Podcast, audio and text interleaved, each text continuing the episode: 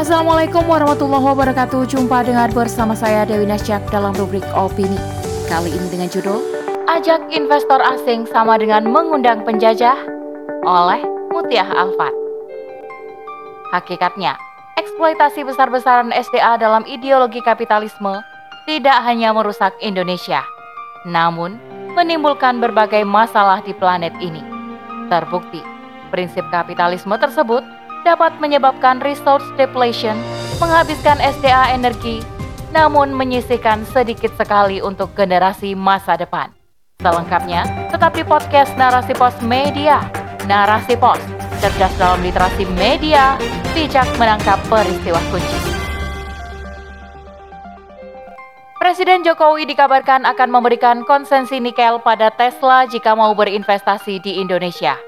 Keputusan ini didukung oleh Direktur Minerba Kementerian ESDM M. Idris Sihid dengan alasan bahwa berinvestasi dengan perusahaan Elon Musk dapat mengangkat reputasi Indonesia. Bekerja sama dengan perusahaan besar Amerika yang memiliki reputasi bagus akan menunjukkan bahwa Indonesia adalah negara yang sangat baik dan kondusif untuk para investor. Pemerintah memang telah beberapa kali merayu Tesla untuk berinvestasi di sektor manufaktur baterai dan mobil listrik sejak tahun 2020. Demi memuluskan rencananya, pemerintah akan memberikan insentif berupa keringanan pajak dalam konsensi tambang nikel nantinya. Dalam sistem kapitalisme, sektor investasi asing menjadi satu-satunya harapan negara berkembang demi mendongkrak pertumbuhan ekonomi. Namun, benarkah langkah tersebut akan membawa kesejahteraan atau malah sebaliknya? Dilansir dari Tempo.co pada 19 Januari 2023, Indonesia merupakan negara penghasil nikel terbesar pertama di dunia dengan cadangan sebesar 21 juta MT. Bahkan, Indonesia mampu memproduksi 1 juta MT pada tahun 2021 lalu. Sebagai negara produsen nikel terbesar dunia, bukankah seharusnya Indonesia memperoleh pendapatan tertinggi juga? Namun kenyataannya tidak demikian. Dari proses penambangannya saja, Indonesia sudah dirugikan triliunan rupiah, mulai dari proses melting, tarif pajak, kebijakan tenaga kerja, dan lain-lain. Kerugian ini bukan halusinasi. Memberi wewenang kepada investor asing untuk mengelola SDA memang hanya menimbulkan nestapa. Faktanya, produksi besar-besaran yang terjadi tidak berbanding lurus dengan pemasukan APBN. Sebaliknya, hasil pengelolaannya akan diekspor di negara asal para investor sedangkan negeri ini hanya mendapat percikannya saja. Terkait hal ini, ekonom senior Faisal Basri mengungkapkan bahwa lima tahun terakhir, yakni 2014 hingga 2019, kebocoran ekspor biji nikel ke Cina menyebabkan negara mengalami kerugian sebesar ratusan triliun. Faisal menyebutkan, meskipun Indonesia telah melarang ekspor biji nikel pada 2020, namun berdasarkan data General Custom Administration of China, mencatat bahwa negaranya masih mengimpor biji nikel dari Indonesia sebanyak 3,4 juta ton dengan nilai sebesar 193,6 juta US dollar alias 2,8 triliun rupiah. Kebocoran ekspor nikel ini menunjukkan lemahnya pengawasan dan abainya negara dalam melacak potensi kecurangan dengan tidak menghitung total produksi smelter nikel yang ada. Jika negeri ini mengalami kerugian besar, maka para konglomerat dan investor asinglah yang mengalami untung besar dari kerjasama kontrak ini.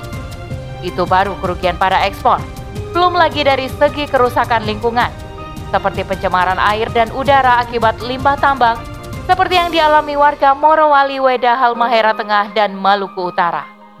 Bak durian runtuh telah berinvestasi di Indonesia dalam pengelolaannya Cina menggunakan teknologi murah yang tidak ramah lingkungan untuk mendapatkan biji nikel terbaik dengan jumlah yang banyak. Ditambah lagi, Cina mendapat keringanan bea masuk dan pajak. Berdasarkan fakta di atas, ajakan Presiden Jokowi kepada Elon Musk untuk berinvestasi dalam pengelolaan nikel menunjukkan bahwa pemerintah tidak pernah belajar dari praktek pengelolaan nikel oleh Cina selama ini. Di mana, dalam proses pembangunan pabrik, semua alat, perlengkapan dan kebanyakan tenaga kerja berasal dari negaranya. Setelah mengeruk dengan harga murah, malah kebanyakan hasilnya justru diekspor ke negara mereka. Alhasil, untung yang didapat Indonesia hanya sedikit. namun kerugian yang dialami jauh lebih besar. Dan ini berimbas pada generasi penerus bangsa ini. Mengizinkan investor asing jelas merugikan negara secara ekonomi dan menggadaikan ketahanan lingkungan. Sebab, kebijakan eksploitasi tambang nikel oleh asing tidak memperhatikan prinsip-prinsip manajemen sumber daya berkelanjutan. Investor asing datang menguras SDA kita secara brutal dan syarat moral hazard hanya demi meraih keuntungan dan memperkaya negaranya saja. Dengan dalih penanaman modal, pihak asing dan swasta bisa leluasa mengeruk kekayaan alam hingga pada kebijakan distribusi dan penentuan harganya. Akibatnya, peran negara tidak lebih hanya sebagai penjual dan rakyat sebagai pembeli. Rezim telah berganti rezim. Meskipun undang-undang telah dipermak sedemikian rupa, namun sistemnya masih sistem yang sama. Itulah hakikat sistem demokrasi, kebijakan dibuat bukan untuk kepentingan rakyat, namun untuk kepentingan korporasi. Penguasaan asing atas SDA energi selalu mendapat pembenaran, legalitas, dan berbagai perlindungan hukum dengan undang-undang bernafas liberal. Hakikatnya, eksploitasi besar-besaran SDA dalam ideologi kapitalisme tidak hanya merusak Indonesia, namun juga menimbulkan berbagai masalah di planet ini. Terbukti, Prinsip kapitalisme tersebut dapat menyebabkan resource depletion, menghabiskan SDA energi, namun menyisikan sedikit sekali untuk generasi masa depan. Resource depletion sendiri merupakan imbas dari borosnya konsumsi energi peradaban ideologi sekularisme yang diusung Barat. Ironisnya, eksploitasi SDA secara besar-besaran tersebut tidak membawa dampak pada kesejahteraan umat manusia. Sebaliknya, Liberalisasi pengelolaan SDA energi berdasarkan prinsip ekonomi kapitalisme makin memperparah laju climate change. Kita menyadari bahwa kesenjangan sosial dan kerusakan lingkungan terjadi akibat SDA tidak dikelola berdasarkan aturan dari Sang Pencipta. SDA begitu krusial dalam menunjang kehidupan, sehingga kesalahan dalam pengelolaan dan kekurangan pasokannya akan menghambat perkembangan peradaban manusia. Rasulullah Shallallahu Alaihi Wasallam bersabda, kaum muslim berserikat dalam tiga perkara, air, api, dan padang gembala. Hadis riwayat Abu Dawud dan Ibnu Majah. Dalam pemerintahan Islam, kedaulatan dan ketahanan energi merupakan kewajiban negara. Karenanya, penguasaan asing dan swasta terhadap SDA energi adalah sebuah bentuk abainya negara terhadap syariat. Oleh karena itu, SDA energi harus dikelola secara komprehensif dan mandiri oleh negara serta hasilnya akan dikembalikan untuk kepentingan rakyat dalam bentuk siap pakai. Tidak bisa dimungkiri, bergantung pada asing dalam pengelolaan SDA energi akan menjadikan pemerintahan mudah untuk dikendalikan asing. Jelas, hal ini terlarang dalam Islam. Allah SWT berfirman, dan Allah sekali-kali tidak akan memberi jalan kepada orang-orang kafir untuk menguasai orang beriman. Quran Surah An-Nisa ayat 141 Prinsip pengelolaan SDA energi dalam Islam harus dapat dijangkau oleh seluruh lapisan masyarakat, tidak merusak lingkungan, dapat menjaga kedaulatan dan ketahanan energi serta berkelanjutan.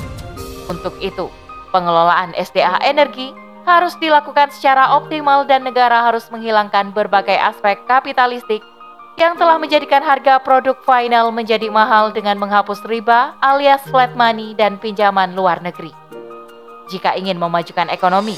Pemerintah seharusnya mengelola SDA termasuk nikel secara mandiri. Memberi investor asing dan swasta untuk mengelola SDA hanya akan mengukuhkan penjajahan ekonomi di negeri ini. Daripada mengundang investor asing, lebih baik negara menerapkan kebijakan penambangan dengan prinsip berdaulat, bermartabat, dan pro rakyat. Oleh karena itu, Indonesia membutuhkan sistem pemerintahan yang tidak dapat diintervensi oleh segelintir orang, apalagi pihak asing. Misalnya, dengan menerapkan sistem pemerintahan Islam, yakni khilafah, karena hukum-hukumnya tidak dapat diintervensi asing, bahkan seorang khalifah sekalipun. SDA energi yang jumlahnya melimpah wajib dikelola mandiri oleh negara dan tidak ada seorang pun yang dapat menentang atau mengubahnya. Sebab Khalifah adalah manusia yang wajib tunduk kepada aturan Allah Subhanahu wa taala dan aturan Sang Pencipta pasti baik, sempurna dan adil bagi seluruh umat. Wallahu a'lam bishawab. Demikian rubrik opini kali ini. Sampai bertemu di rubrik opini selanjutnya. Saya Dewi Nasya kundur diri. Assalamualaikum warahmatullahi wabarakatuh.